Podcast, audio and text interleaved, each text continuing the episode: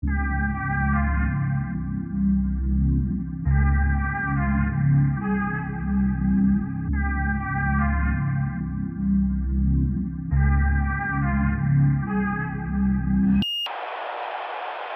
vad fint ni har det här. Tack. Tack. Det är Ashkan som dekorerat. Ja, det var just dekorationen jag tänkte på.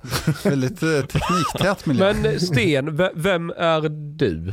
Jag är eh, statsvetare, forskare vid Uppsala universitet och eh, har hållit på med olika frågor som berör demokrati framförallt. Så jag har gjort mycket forskning utomlands och eh, det började med att jag skrev en avhandling om Kashmirkonflikten och sen så har jag på med Sydasien väldigt mycket och, och Uganda också. Men sen så har det blivit mer av eh, politik och eh, säkerhetsfrågor, krishantering och sånt i Europa. Och nu under senare år så har jag drivit ett projekt tillsammans med en kollega som heter Thomas Persson. Och det heter Det öppna samhället. Och det är en, det är en titel från en bok av Karl Popper som är en vetenskapsfilosof som skrev om, eh, han skrev om både ideologier och han skrev om vetenskaplig metod också, hur man ska se på det här med sanning och sådana saker. Var det inte Popper som definierade teorin om falsifierbar, alltså att man måste kunna falsifiera något för att ja. veta om det är en vetenskaplig fråga? Ja, precis. Man måste kunna liksom så att säga om du ska ha en teori om någonting så måste det vara möjligt att motbevisa teorin. Till exempel om man säger att jag tror, jag tror att alla är egoister och så förklarar man allas beteende med att de gör bara saker för sin egen tillfredsställelse i alla fall. Då är det ingen teori som förklarar någonting, för den förklarar nämligen alla beteenden, så det finns ingen variation då. Så han liksom la strikta krav på det, att det mm. var tvungen att finnas en, ett rigoröst tänkande och att man var tvungen att kunna också motbevisa någonting för att kunna säga att det är en teori och, och vara användbart och sådana saker. Det är ett ideal som inte är riktigt lika populärt idag som det var en gång i tiden. Skulle du säga att eh, genusvetenskap lever upp till Karl Poppers definition av vad som är vetenskap? Mycket, stora delar av genusvetenskapen gör det. Och så Oj. finns det de som, eh, eh delar som är väldigt inflytelserika som inte, som, som tycker att all form av argumentation av det slaget som Karl Popper förde är en form av maktutövning. Så att man, man, mot, eh, man, mot, eh, eh, man motarbetar metod helt enkelt. Men den strömningen finns ju inte bara inom genusvetenskaperna utan det finns ju även inom internationell politik, inom sociologi och många andra områden också. So the, what, det, when you're talking like so many threads are are appearing in my mind. But, yes. Uh, but one thing first, like I'm actually curious about uh, your work on on uh, krishantering i Europa sa du. Mm. Uh, What does that include really? Och, eh, för, för, för, oss så innebär det att, eh, har det inneburit att vi har undersökt krishanteringsmyndigheter och tittat på hur de arbetat. Och så har vi gått in och gjort uh, frågeformulär och delat ut och ställt frågor om på vilken, i vilken omfattning man litar på andra i organisationen. Och sen har vi försökt matcha sådana data också med ifall det finns tillit i samhällen också. För sen få en bättre bild av när, eh, vad är det för typ av eh, organisationsskillnad som kan göra att man är bättre eller sämre på krishantering. Okay. And you have you focused in some way on Sweden as well? Ja, yes. How, how's the situation here? det, är, det är väldigt konstigt så här, man ska verkligen spetsa till det lite grann då. Mm så kan man säga så här att svensk krishantering fungerar väldigt, mycket, väldigt bra när det inte är kris. är liksom, eh, man, kan tänka, man har liksom alla möten, man planerar tillsammans, man ser till att man rekryterar på ett visst sätt och sådana saker. Sen när det väl smäller, när det händer någonting, då är man faktiskt eh, tyvärr för dåliga på att eh, på att hantera kriser. Och det, det, det, är stora skillnader mellan, det räcker med att man åker över till Danmark för att se stora skillnader i hur man sätter ihop organisationen, hur man låter representationen finnas med från blåljuspersonal och från eh, alla möjliga organisationer. Och sen åker man, ju mer söderut man åker, desto mer rutinerade är folk på kriser. Men varför? Alltså det är ändå vårt grannland. Varför mm. är de bättre på det här? Ja, alltså vi är väldigt olika, eh, Norge, Danmark och Finland i flera avseenden. Så det, är liksom, eh, det, det, har, det har hänt mycket i utvecklingen och eh, eh, sen vi så att säga har separerat oss från varandra. Och så. Det har skett i olika faser historiskt. Men eh, vi har olika förvaltningstraditioner och sen så har vi ju helt olika upplevelser av andra världskriget också. Som kan nog spela en väldigt stor roll för hur man ser på kriser och andra frågor också som nationalism och sådant också. Jag, jag, jag visste att du skulle säga någonting om det, för det är alltid den, den förklaringen som som, dyker upp som en, och det kan ju applicera på ganska många andra frågor också, men jag vill bara att det ska vara någonting annat, någon förklaring som kan ge det lite mer så att, ah okej okay, det är också det. Eller är det bara en mentalitetsfråga alltså? Ja. Kan vi inte nyansera det här krishantering? Kan man inte dela upp den i olika delar? Eh, jag tänker bara till exempel när, för oss från inom polisen, när det, det här 7 april 2017, mm.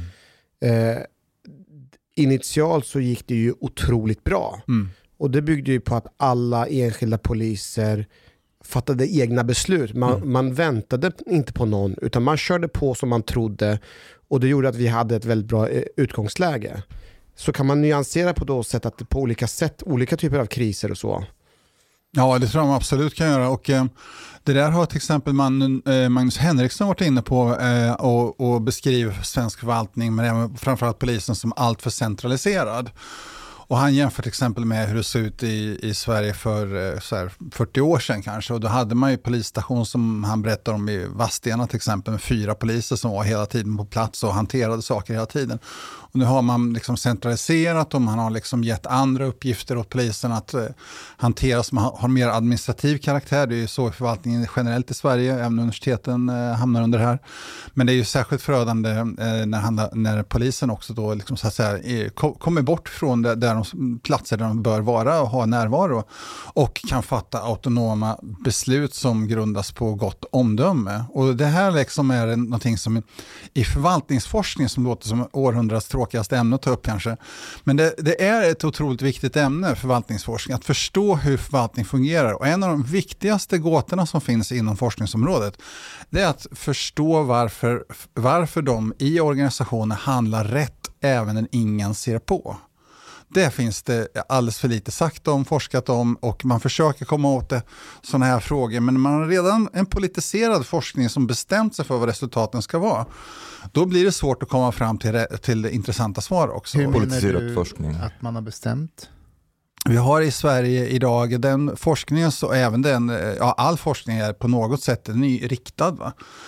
Och sen så säger man då att vi har akademisk frihet och så, men när man gör internationella jämförelser så är svensk forskning en av de mest styrda i OECD-länder av alla i Oj, OECD vad chockad jag inte är. ja, precis.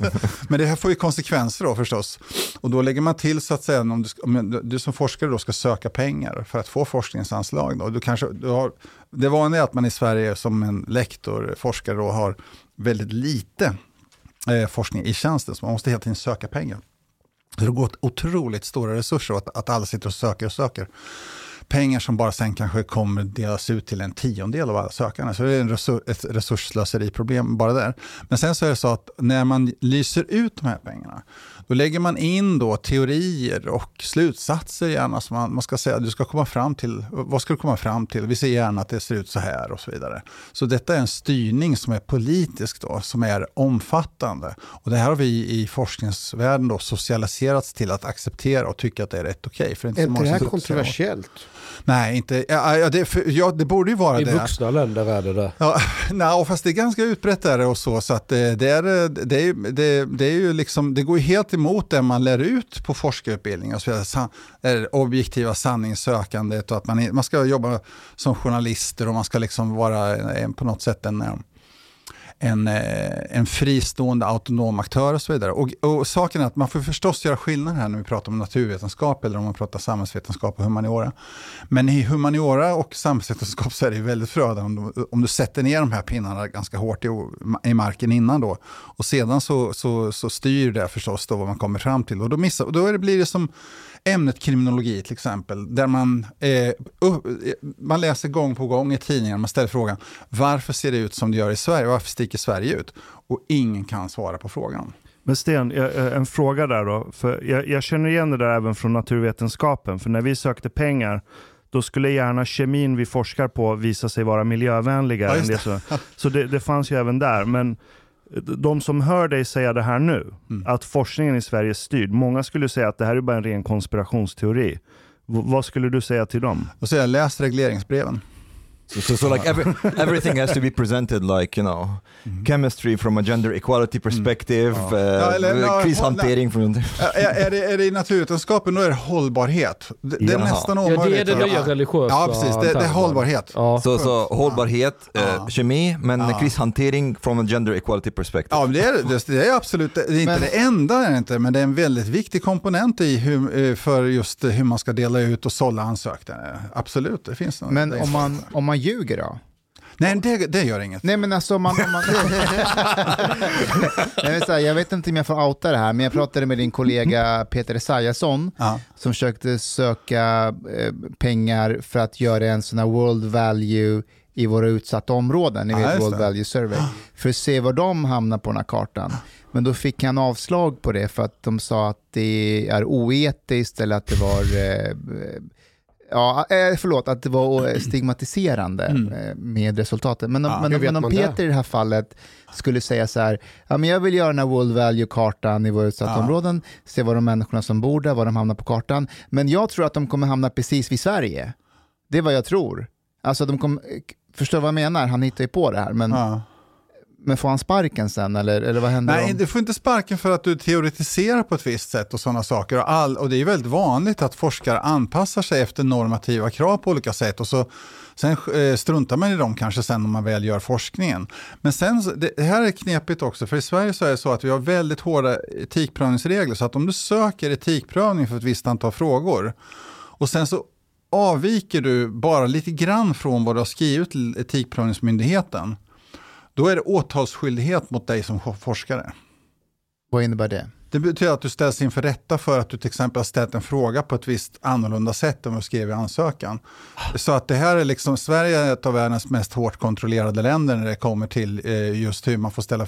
Jag till exempel var på i Oslo här och då ramlade jag förbi en sån här demonstration där samer protesterar mot vindkraftverken i norra eh, Norge. Det är oerhört intressant.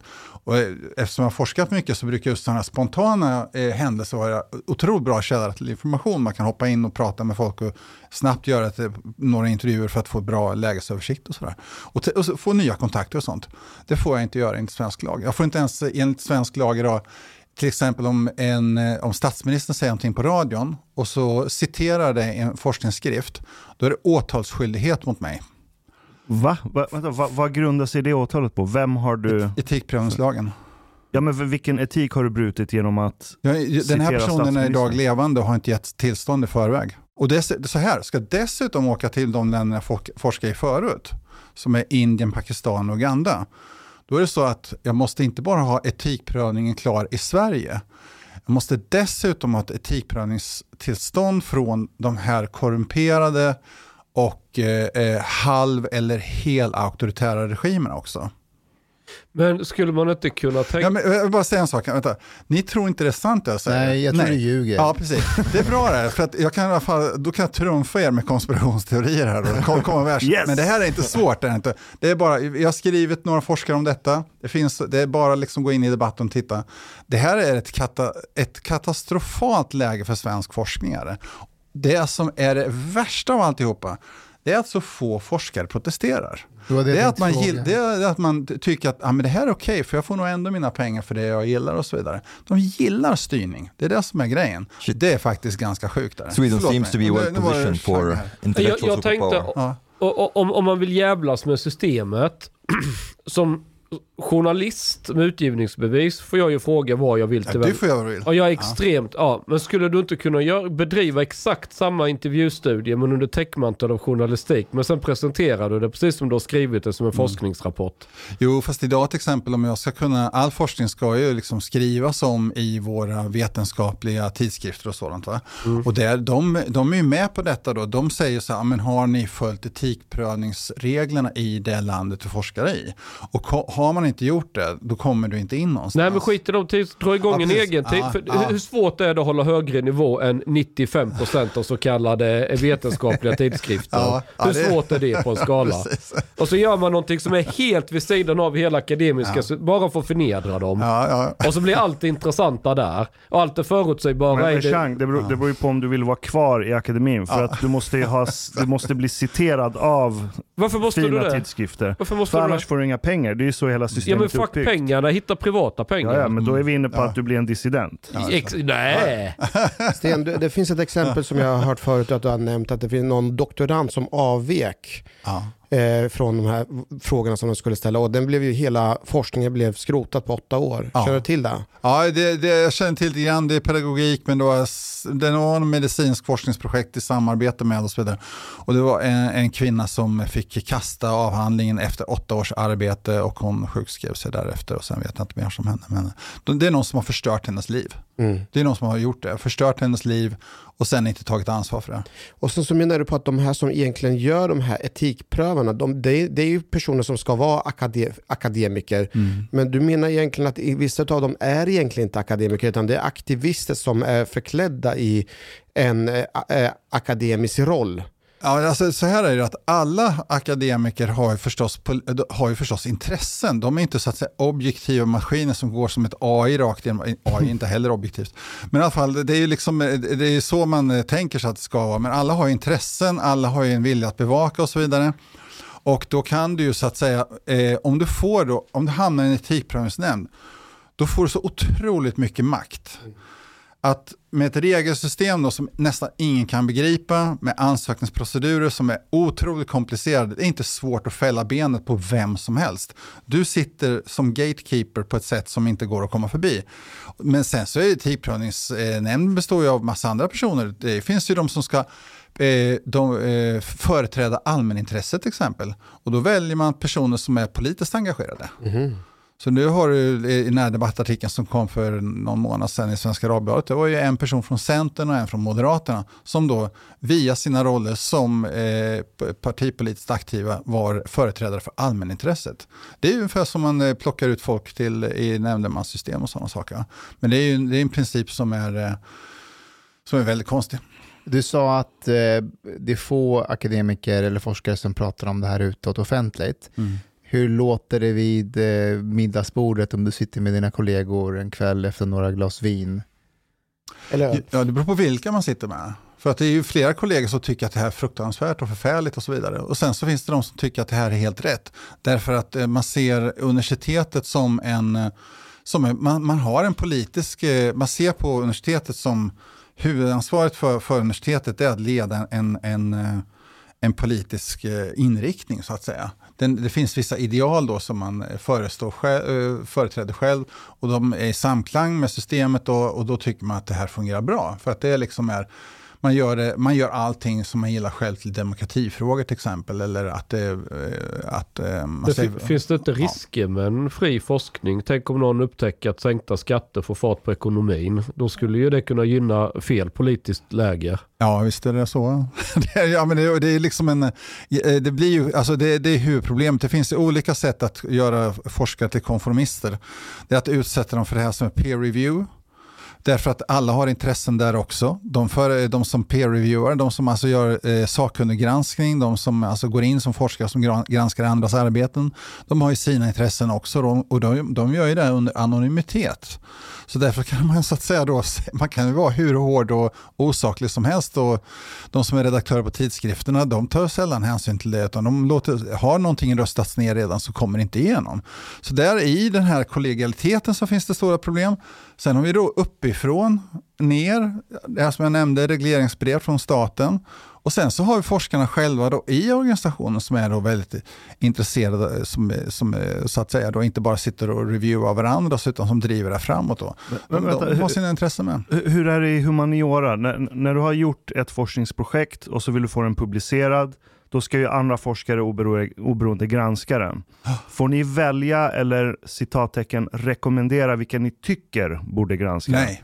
För det får man göra i naturvetenskapen. Ja, ja. Mm. Och där väljer man ju väldigt ofta Ja. folk som man vet vill bli citerade i det här projektet. Ja, ja. För då kommer de gynna dig. Okej. Det finns till och med en hel studie som heter Weapons of Mass Bibliography. som kartlägger hur forskare väljer Mm. vilka som ska granska deras papper. Så det, det blir bara en enda självsmekande maskin alltihopa. Ja. det, Men ni har åtminstone inte det problemet förstår jag. Nej, men alltså grejen är ju den att då är miljöerna kanske mindre och så vidare. Alla vet ju oftast liksom vilka som håller på med vad och så vidare. Men, men så, ett stort problem, det här har funkat okej ännu. Det har varit en minst dåliga lösningen längre. Men det är så här att de som är riktigt duktiga, som kan granska bra, de kan ju inte ta granskningsjobben för det är så otroligt många tidskrifter. Det kommer ju hur många tidskrifter hela tiden som, som bara liksom går in på marknaden och försöker liksom då ta plats. Och, det är, det är en affärsdriven verksamhet i väldigt stor utsträckning och den har skenat på ett eh, fullständigt olyckligt sätt. Så det gör ju då att de som är duktiga, de tar inte de här jobben och granskar utan det går ju så att säga längre och längre ner. Så det är liksom om man till exempel då tänker sig om eh, Ja, till exempel ifall man är, man är ett högt befäl inom polisen, om du skulle bli granskad om någon som liksom har precis eh, blivit nyutexaminerad, skulle man tycka det var acceptabelt? Det har inte varit en så bra idé, men så funkar det inom akademin tyvärr. But, but how it is like, um, what's the state of ideological diversification within academia? Is, uh, and, and is there like, because I'm trying to, to see if, if this is stemming from some kind of ideological domination uh, of a certain uh, form. Mm. How, how would you describe like, is there like different ideas, values, uh, political standpoints within academia or here in Sweden? Alltså, det kanske är bra att börja i, från bredare perspektiv. Om man ser på hur det är i USA och Storbritannien till exempel så ser man att det är ju en, en, en, en dominans av, av eh, personer som har vänsteråsikter kan man säga. Väldigt eh, kortfattat. Då. Och särskilt då i humaniora och eh, samhällsvetenskap. Sen är det lite mer blandat i naturvetenskaperna. Sen om man tittar på i Sverige så har det gjorts otroligt lite forskning. Det finns en mätning för mer än tio år sedan tror jag. Och där kan man se till exempel att nationalekonomer, de är ju mera till höger till exempel. Right. Men sociologerna ligger långt till vänster och de som är, är statsvetare, de, de, är liksom, ja, de är lagom till vänster som vanligt. Då, så här. så Men du är lagom till vänster då? Alltså jag är politiskt eh, du var ju statsvetare va? Promiskuös. Ja, ja, jag går i lite olika ställen ibland. Så jag röstar olika i olika val till exempel. Gör jag. Så att jag är ingen pålitlig person. Jag, inte, så att jag tror inte någon vill ha i mig något parti. Tror jag. Så är det. Men i alla fall, så grejen är att man ser att i ämnen så är det olika balanser men jag tror att det är som är det största problemet, men alla kan ju ha så att säga, eh, alla har ju, de flesta har ju någon politisk uppfattning. Eh, det som är det viktiga är vad man gör av den sen i sin egen verksamhet. Hur hårt drivande man är för att eh, realisera politiska målsättningar i forskning, i undervisning och så vidare. För man kan upprätthålla rollen där man håller distansen eller inte. Och där tycker jag att det har, förvärrats ganska så rejält under de sista 30 åren i Sverige. Och där ser man också att det, då är det i alla fall i samhällsvetenskap och humaniora. Det, det, är inte så att det är liksom högerpopulism som är överbet, som överbetonas. Mm. Det är liksom det är frågor som handlar om identitetspolitik, vänster på något sätt och så. Och det, det, det, här liksom har gått till den, eh, det har gått för långt skulle jag säga på så sätt att det skrämmer ju bort folk som har talang från universitetet. För smarta människor ser på långt håll ifall det är en politiserad organisation och är det någonting som inte då stämmer överens med den bilden man själv har eller att man inte ska ha en, en profil på det sättet. Då, då, då, då fattar man ju det innan och kan då blir det en selektionseffekt. Kan du ge några exempel på hur det tar sig uttryck? Hur märker man det? Ja, det märker jag att vi har till exempel då att när vi får in eh, studenter i, till, till, till utbildningen så är det ju då kan du liksom gissa på för, eh, då, då är det ju väldigt vanligt med en, en, en viss typ av åsikter som kommer fram i seminarier, i debatter och så vidare som har med miljö att göra. Har med rättvisefrågor, genus att göra, identitet och, och sådana saker. Då. Har de grönt hår också? Eh, det, det, jag kan säga så här, på Uppsala universitet så är det inte så vanligt med grönt hår. Näsring då? Näsring är inte så himla... Det förekommer, men man ska inte vara fördomsfull bara för näsringar och grönt hår. Nej. Men Rakskuren kan... lugg då? Ja. Den är väl en... Du menar såhär kejsar Nero-lugg? Nej men du vet den där helt raka luggen ja, det är, och så lite ja, blått hår och näsring. Det är kejsar Nero-lugg. Jaha det är det, ja, kejsar Nero. Ja, den är en klassiker. Men den är väl en, en ganska så träffsäker indikator. Fjällräv och ryggsäck. Man, man byter trottoar när man möter på vägen. Mm. Ja, förlåt. Hur, ja. hur tar det sig ut? Du sa åsikter som kommer fram i... Som... Ja, så det märks i alla fall att vi, vi, vi har ju en rekrytering. Och sen, så är, sen kanske någon då som drömmer om Timbro i och för sig. Då. Och, och den har ju, flu, den, har ju den, den har ju fluga. Nio fall av tio, fast det har bara varit tre fall hittills. Vi hade ju den här forskaren Amir Sarjaslan. Han var väl på Karolinska institutet och forskade om genetik kopplat till brottslighet. Ja. Men sen så när man pratade med andra inom samma fält så sa de i korridoren tyst till honom att det här borde han hålla lågt. Han borde hålla låg profil, inte prata om det här. Och han kunde inte ens vara kvar i Sverige. Han är i Finland nu. Nej, han, nu är han i England. Han är, ja, Men han var vanligt. först i Finland, nu är han i England. Var det inte han som pressades in i helvete i bänk? Det kan det Jo, nog vara. jo, jo. Ja. Men det är, alltså, i, i, inom statskunskapen så är det helt okej med att eh, forska på genetik och politiska åsikter. Det är liksom... Ah, is this is this true? Hit us. Ja, bara, ja, ja, ja. bara om du kan visa att sd har en genetisk avvikelse, då är det okej. Nej men be- berätta. Nej, men man tittar ju på, jag gör tvillingstudier. Man. Jag gör inte den här forskningen, men jag har kollegor som gör den. Och då, då har man tvillingstudier och så jämför man då hur arv och miljö samspelar för att sen då förklara ifall du är konservativt lagd till exempel, eller om du är altruistiskt lagd eller någonting annat. Då kan det vara. Och då så, det här görs i stor omfattning i USA och det görs i Sverige. Och det här, det här, har inga, det här går igenom etikprövningsnämnderna. Det finns eh, ingen som så att säga, så vitt jag vet, säger att det här liksom liknar för mycket någonting som eh, pågick för ett tag sedan här i Europa. Men varför? Eh, va- varför går det igenom? Ja, det, det är för att man gör det så mycket snyggare nu till exempel det här med att det är ju via, det, det är mer liksom så att säga objektiv kunskap man går på, liksom, man har andra metoder, man kan även då kartlägga gener och se, se faktiskt ifall de har liksom inflytande på ett annat sätt. Men jag, jag tror framförallt sen att eh, det beror på att, att det är okej nu, det är att vi befinner oss tidsmässigt långt från andra världskriget. Just det. Men, men det jag funderar på då är att om jag då blir beskylld för att ha dålig värdegrund, vilket absolut aldrig har hänt, men om vi tänker teoretiskt, då kan jag säga att det inte är mig det är fel på, det är mina gener. Och kritiserar du mig så blir du ju rasist då ju, för du har problem med min genuppsättning. Så därför ska jag få rätt att ha min dåliga värdegrund och ha mina åsikter utan att någon... Ja. Tänker jag liksom. Ja, ja. Det är en bra idé tycker jag. Kan- kan jag du tycker bara- du kan få den... Du, Få det privilegiet. Ja men alltså allvarligt talat, det leder ju till oansvarighet kan det göra, men, men, men det, det är liksom, visst kan man resonera på det sättet, absolut. En, en, en bara kort fråga, tvillingstudier, vad innebär det? Ja, det är att du kan få personer då, via register som visar personer, så kan man liksom mäta skillnader på de som är då, i, titta på hur eh, personer som är enäggstvillingar då, som är genetiskt i princip identiska då. Och sen så kan man titta på ifall de har blivit separerade eller någonting annat och så ser man hur mycket då skillnader som, som förklaras av miljö och Måste arv. man inte fråga dem om de vill vara med? Nej, det gör man inte. Jag, jag tror det tror man gör. Man, man skickar nog ut ett brev till dem innan. Jag, har aldrig, alltså, jag måste verkligen bara säga att jag har inte gjort dessa studier själv. Nej, okej. Men jag, jag tror att man måste, alltså hur tvillingregistret, ett av skälen till att detta forskas så mycket om detta i Sverige, det är att vi har så bra registerdata. Eller så ingående registerdata. Skulle man. Hur, hur, ja, det kan vara så att eh, man måste eh, gå till varje enskild person, men jag är inte säker faktiskt. Det är en bra fråga. Så, så som jag har förstått finns det ett gigantiskt register Mm. i Sverige, jag tror det finns i England också, på tvillingar. Så när de föds så blir du tillfrågad att vara med i det här registret. Mm. Utifall att de skulle bli bortadopterade till två olika familjer till exempel. För då har du ju två olika miljöer med samma gener och så vidare. Men du måste fråga dem. Det var väl det som Amir Sariaslans forskning var. Det var ju han, han byggde Japp. på tvillingstudier. Japp. Ja, det är svårt också att tänka sig att man eh, kan ju inte få ut informationen om ifall de är åt höger eller vänster om man inte får träffa dem och göra studien. Så Ja, så- exakt. Ja. Men jag, jag, jag ska inte säga mer om hur urvalsetiken ser ut där.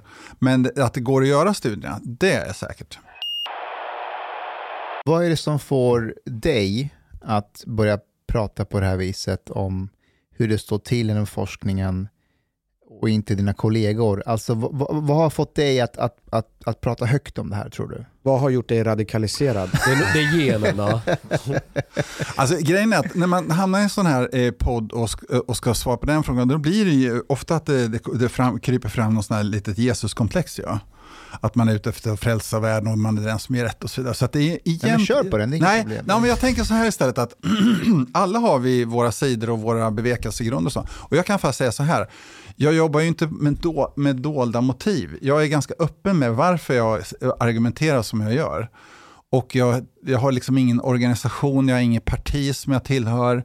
Jag är liksom inte, inte, inte pålitlig på det sättet och så. Utan jag tycker det här är viktiga frågor då för att lite är det väl en sak som är i botten motiverande, det är väl att man kom in i organisationen och sen såg man att det blev någonting annat då som man tycker liksom blir så här, man vill inte skämmas liksom heller. Så här, stå inför andra och skämmas med skattemedel också. Så där. Det, det är väl liksom, man är, det, det är liksom, jag, jag tror att det, vi kommer i en situation till slut där jag tror att det är jättestor förändring som, inte ens, som akademiker själva inte förstår och inte ens ni som sitter här i rummet med hur mycket just med det, det offentliga samtalet förändras och vilka som har inflytande med just att vi sitter och pratar i ett sånt här forum just nu.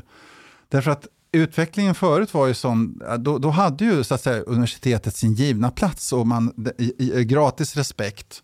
Det var klart att man gärna ville disputera, man fick ju liksom ett frikort i princip det sa så här, respektera mig, jag, jag, jag vet mest. Det, liksom är, det är ju svårt att det är, det är ju liksom värt otroligt mycket. Men det är ju inte så längre. Och det beror ju på att vi har så otroligt många som idag blir forskare, som disputerar och kommer ut och sen att man kan nästan också då säga snart vad som helst i avhandlingar och det räknas ändå som vetenskap och så vidare. Mm. Inom vissa ämnen i alla fall. Så att det är svårt att se, liksom, är detta vetenskap alls längre? Sociologi särskilt tycker jag i alla fall. Men i alla fall ja. This is actually what I was uh, a bit curious about. Like, so, so would you say there's any kind of like trickle down effect from this ideological hegemony that exists within the academia to the culture at large and into politics because I can imagine in, in, when it comes to politics also can become like a self-reinforcing cycle like how the academia is affects how politics work and then politics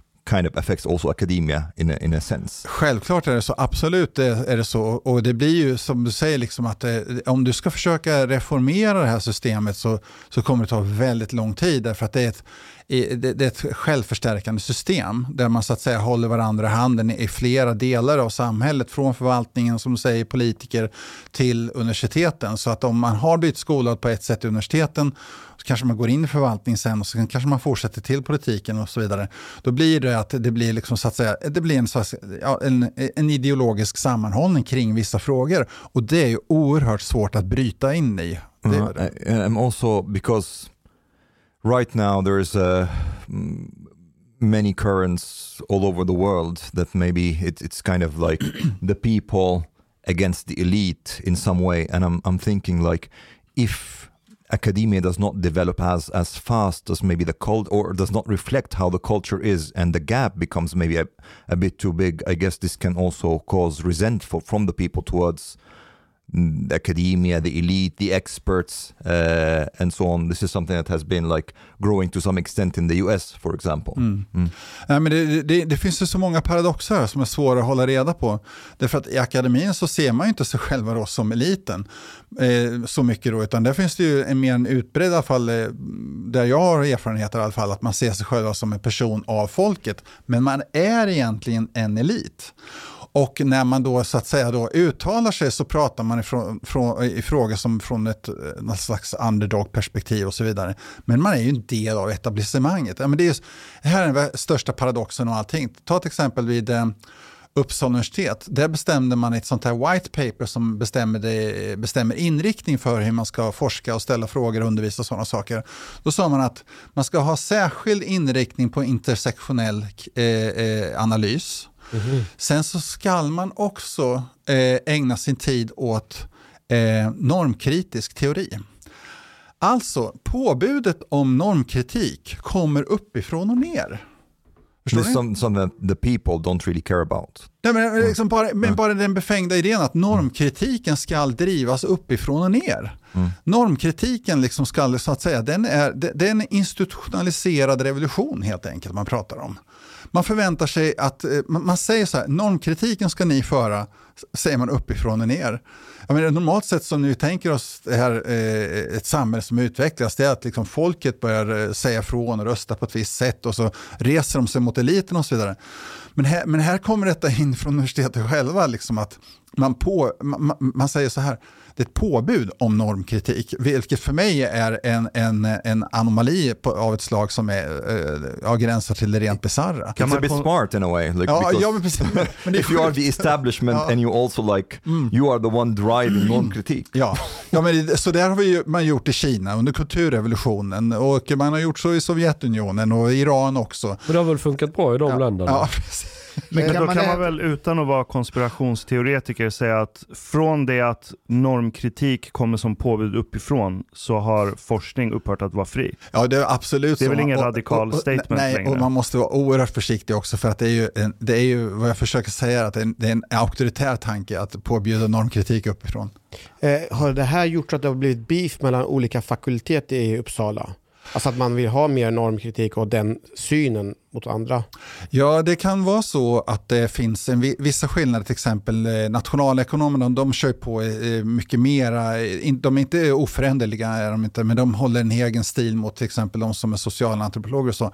Men jag tror att kanske skillnaderna är större inom eh, institutionerna än vad de är mellan institutioner och fakulteter. Hur är det i eran avdelning? Ja, det är väldigt olika uppfattningar om de här frågorna. Det, Är det du och det mot alla andra? Ja, det- ja, precis. Jag glömde säga det, precis som min pappa var snickare.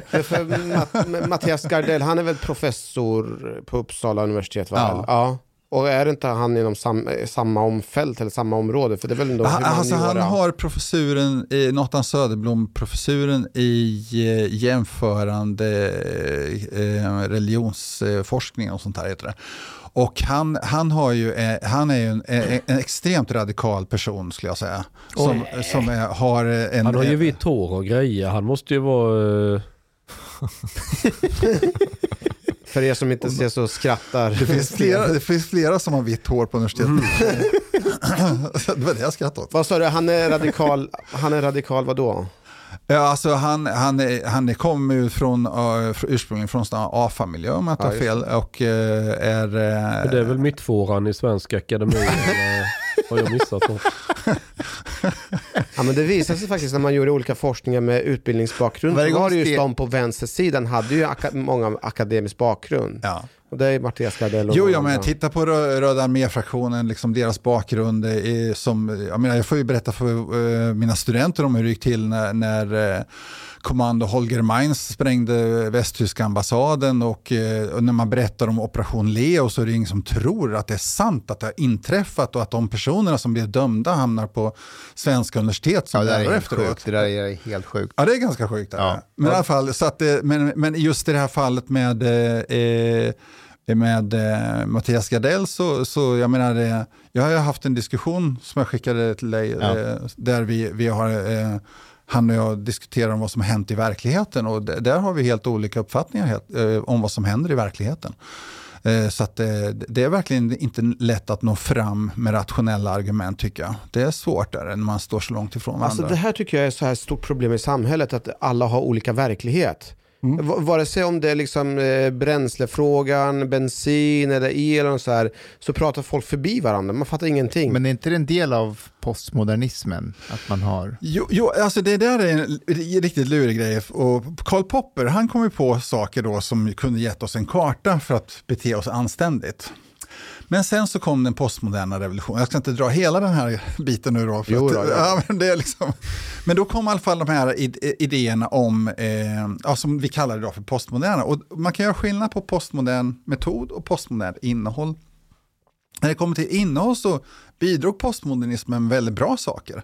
Den öppnade upp nya fält för undersökning, särskilt inom sociologin. Man tittar på familjen, strukturer för maktutövning på, som man inte hade tittat på tidigare. Det är oerhört viktigt, så det finns ju eh, nya fält, nya resultat, nya landvinningar inom, inom det som, kallas för, eh, som vi fått via det som kallas för postmodernism. Men sen så kom det till att man, när man började problematisera metod, så att det gick så långt så att man började se det som jag nämnde tidigare här inledningsvis, att, att man såg då att någon höll en, en viss, eh, använde sig av en mi, viss metod så började man misstänkliggöra detta och säga att det här är liksom, det gör man därför att den vill utöva makt via sina resultat och sitt sätt att styra metoderna blev maktutövning på något sätt. Och på de, och den vägen blev det och då blev det en sån här dubbla måttstockar att den metod man själv använde den var okej, den metod som andra använde den var godtyckligt gjord. Va? Och då börjar det här liksom skena med just olika verkligheter. Och det där var helt okej, okay. det fick fortgå. Det är liksom framförallt en, en, en, en influens som kommer från Frankrike men också framförallt amerikanska universitet också. De har haft eh, sådana inriktningar ganska länge som blir väldigt radikala i sin, i sin utövning. Och sen så ledde detta till då att man tyckte att det var till slut okej okay att börja överge metoder. Att detta var liksom accepterat som någon form av bara liksom eh, upppyntat godtycke. Va? Tills Trump-revolutionen kom. Och då var det ett problem när han ställde sig och sa att Nej, men jag har inte samma verklighet som ni har, jag har en annan. Det var liksom Alternative liksom, facts. Ja, precis. Det var liksom som Groucho Marx, liksom, ungefär. Va? Att liksom, eh, om ni tillhör principer så har jag andra. Så att det, liksom är, är, det var liksom en, en, en, en, en, en, ett uppvaknande kan man säga som skedde där. Och då blev boten från BBC, från New York Times, från eh, Sveriges Radio och i synnerhet eh, Dagens Nyheter, det var att man skulle uppfinna sanningen. Samma sak, samma sak då, eh, och inom Svenska Akademin finns det de som företräder det också. Att, att man säger då att Ja, det, det, kan vara tolkningar, det kan vara olika slags inriktningar och så vidare. Men egentligen så finns det nog en sanning. Och då skulle man liksom så att säga börja stämpla nyheter inför valet 2018. Ja, det, såg vi det här, kommer du ihåg det? Ja. Ja, det, och det liksom, Sanningsministeriet. Ja, det, det, fanns, det fanns ju de som kunde säga ett sånt ord med humor, sen fanns det de som tyckte att det var lite mer allvar i det. Men i alla fall, sen så, men det här liksom ledde då till att man gled tillbaka liksom i en gammeldags idé om att liksom det här är, det finns nog i alla fall egentligen en sanning, men vi vill att alla ska prata fritt, bara ni inte säger fel saker. Ja. Där står vi idag. Det, det är väl en rimlig hållning. Ja, precis, exakt. mm. Den här normkritik, alltså den här metoden, mm. vi pratade inledningsvis att man ska kunna falsifiera grejer och sådär. Ja. Men det finns ju många organisationer som beställer liksom olika rapporter. Har vi problem med rasism inom vår ja. organisation? Ja. Jag kommer ihåg, jag, jag, eh, hade uppdrag för scouterna. Scouterna hade beställt sådana uppdrag. Eh, svensk SF... Har man problem med rasism inom scouterna? Det är, men, det är ju bara det, svenska det, barn där.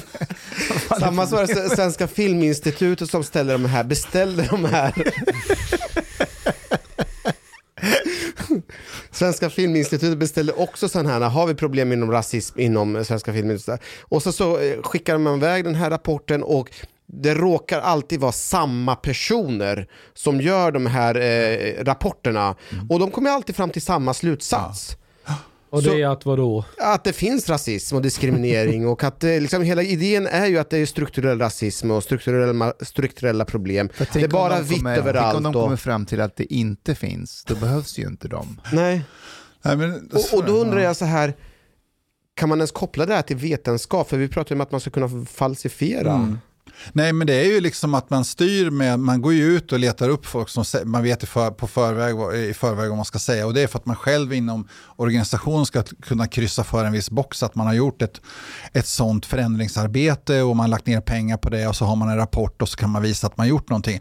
Men problemet är det att du kan ju få som resultat av detta då mer eh, fördomar och rasism. Mm. Det har visat sig i forskning som görs om sådana här eh, kurser som alltid följer med direkt efter man har kommit på att allting är rasistiskt. Då, att eh, då så, så kan man genomföra kurser för att av, eh, göra folk mindre rasistiska, fördomsfulla och så kan man mäta före och efter och kan man komma fram till att de är mer fördomsfulla efter en sån kurs än vad de var innan. Yep.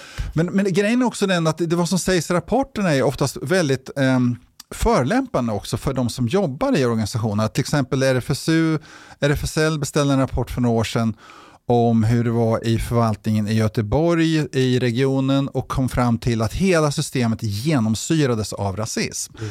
Men det finns inte belägg för detta, gör det inte. Därför att man kan inte mäta det på det sättet som de säger att de har mätt det, men det är ingen som vet hur ens de har mätt detta. Och de som är i organisationen, som är personer som alltid försökt jobba, det är samma sak inom biståndet, man utvärderar det på samma sätt. Så det är människor som har faktiskt jobbat mot rasism väldigt stor del av sitt liv. Överväldigande majoritet är folk som har faktiskt haft rätt eh, schyssta värderingar helt enkelt. Och sen får de nedkört i halsen. Men du är rasist antingen om du erkänner det själv eller om du säger att du inte är rasist. För att om du säger att du inte är rasist så har du en... en latent, ja, det är precis. Du har exakt ett undermedvetet rasistiskt tänkande. Så du kan inte fly från slutsatser. But, och det här... Det här ja, förlåt. Uh. Ja, ja, men det, det, här mm. skapar ju då en idé som um, Mark Lill har beskrivit till exempel i The Once and Future Liberal. Han säger att det där, det där, det, det där gör ju att folk tänker så här, okej, jag försökte vara in, inte fördomsfull och så vidare. Men jag blir ändå anklagad för att vara ett svin. Varför ska jag då sköta mig? But, but Exakt så, exakt så. Det var det som hände när jag blev drevad mot BLM. Ja. Alltså de här Ja, BLM-människorna det, kallar ja. mig för rasist och Ja, grejer. Sen, det, ja. och det, Så blev du rasist? Ja, men jag, jag vart nej, men jag vart mycket mer så här. jag säger så här, jag skiter i det här. Ja, Jag försöker ja, jobba för ja, precis. skull, Ja, men, det nu skiter jag i ja, det här. Men så säger man ju även till biståndsarbetare idag. Va? Och det kan ju vara liksom så här otroligt fromma personer som verkligen inte har gjort något annat än att försöka hjälpa folk som har det väldigt dåligt i, i länder som är fruktansvärda att leva i på många sätt. Och sen så slutar det med att på slutet av eh, sin karriär så kommer någon akademiker och hänger på dem med liksom en rasistskylt och säger ditt svin. Får, jag bara säga om just rasismen? Nej, Jag var med och Ak- Aktuellt och pratade om det här Carola-uttalandena. Så, så frågade hon eh, programledaren med att ja, men studier visar ju på att eh, muslimer diskrimineras i Sverige. Är inte du rädd att, eh, att det här nu kommer att öka fördomarna mot De får muslimer? vatten på sina kvarn. Ja, precis. Och, du vet, och, och då står man där i direktsändning eh, och du vet att du har eh, eh, sju sekunder på dig att svara på en sån komplicerad fråga. Eh, vi- vilka alltså, studier och... Im- Imagine if you, if you replied jag tycker att den här frågan är väldigt islamofobisk faktiskt. Vem, vem, vem, vem, vem är du att definiera vem som är muslim? Ja, men det är en sån märklig fråga. Alltså det hon, det hon säger i princip är att eh, är inte du rädd att, att det du pratar om eh, eh, ökar fördomarna? Och, och då kan man säga så här, men varför är vi här då? Ja. Varför är vi här och pratar om Ja. det här? Ja. Varför, är, varför är inte Svenska Dagbladets ansvariga utgivare här hos Ja. Aktuellt och ställs Ja. svaren? Varför publicerar ni eh, Carola-intervjun? I think it's partly because like if we go back to this this whole thing with subjective reality, there has been a very strong focus on um, validating the, the lived experience, the subjective reality of people who are supposedly subjected to racism. So basically, they get to define what what racism is uh, from their point of view. Uh, so so you don't really actually need to like if they think there is racism. Then there is racism. They don't have to Nu, nu prove måste anything. Chang säga någonting. Det var Ja, för, äh, Du berättade ju det här att eh, folk som varit engagerade jättemycket för flyktingar och sånt och så blir de ändå anklagade för att de är rasister av någon akademiker. Skulle man inte kunna göra tvärtom? Skulle man inte kunna göra en studie av NMR och de här äh, nazisterna? Sen komma fram till att ni är inte alls homofober eller rasister. Ni är ju helylle. Skulle inte det liksom förstöra dem? Nej nu skiter jag i detta. Nu är inte jag nazist längre. Det här går ju inte. Vad krävs det för att kunna vara nazist i det här Ja, landet? skulle man inte kunna vända på steken? Köra och- normkritik. Ja, alltså, för, för, var, vad jag än säger så kommer Chang in med sådana här bizarre world-experiment istället. Men skulle inte det vara ja, intressant? Ja, Se vilken effekt det får. ja, det är möjligt. Där. Absolut, det kan man absolut eh, tänka sig. att man, de, de skulle vara jättesvåra att få gå med på att eh, vara med i en studie. Tror Det här, är, det här kanske låter som en dum fråga, men, men när det kommer uppifrån att man måste vara normkritisk eller implementera, implementera i sitt arbete och om en fakultet skulle då säga så här, ja ja absolut, vår normkritiska eh, eh, implementering är att inte lyssna på er normkritik. Alltså att ni vill att vi ska vara, vi, Ja, vi just är normkritiska mot ert sätt att vara normkritiska. Ja. Skulle, det, skulle det kunna gå eller, eller måste man vara normkritisk på ett visst sätt? Ja, det är självklart så. För du skulle kunna tolka, tolka normkrit, eh, att vara normkritisk som att du skulle kunna vara till exempel SD-are då. Exakt. För att Ja. det är underrepresenterat på universitetet. Så det är det mest normkritiska du kan hitta på. Men det, skulle, det blir inte populärt. Det såg man ju Tony Gustafsson skulle skriva vitboken åt eh, Sverigedemokraterna. Vad hände med Han- honom? Ja, han fick inga vänner längre. På, Nej. nej. På Facebook eller? Nej, på, ja. Jag, tror social, ja, men han- jag tror inte ens SD blev hans vänner efter han skrev första rapporten. Fan vad jobbigt. Han fick, jag tror alla hatar honom efter den. Så att, så att, ja, alla skrattar så här. Ja, de hatar honom. Nej, men, vet du, men jag tänkte bara säga en sak där, med, med rasismen då. Det, det, det, har, det har ju sagts många gånger i debatten, så här, men om man breddar rasismdefinitionen väldigt mycket, så allting kan bli det. Då har man inte bara urvattnat vad det betyder att det sker rasism och så vidare. Man, också, man, man skapar också en, eh, en, en, en restriktion över hela det offentliga samtalet också som gör till att det leder till självcensur. Och det här har vi, vi, vi, har, vi har, I vår forskning så har vi mätt sådana här saker, hur det slår också, hur det ser ut. För det första så ser man om man tittar på vilka grupper i samhället som svenskar allmänt då gillar minst. Och det här betyder inte att det inte förekommer brott som har rasistiska förtecken eller fördomar och sådana saker, för det sker, det vet vi absolut. Men om man tittar på Sverige generellt, då är eh, eh, de grupper man väljer ut, det är inte eh, etniska minoriteter, det är inte samer, det är inte homosexuella, i mycket liten utsträckning invandrare, muslimer och så vidare. De topp tre förra mötningen som vi gjorde så var det eh, Sverigedemokrater, abortmotståndare och vaccinmotståndare.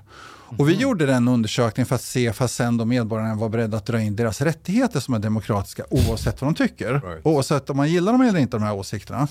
Och då var det ju liksom, då började man med att dra in demonstrationsfriheten 25% Sen gick det uppåt till eh, rättigheten att bli, kunna bli statsminister om man blir vald till den posten.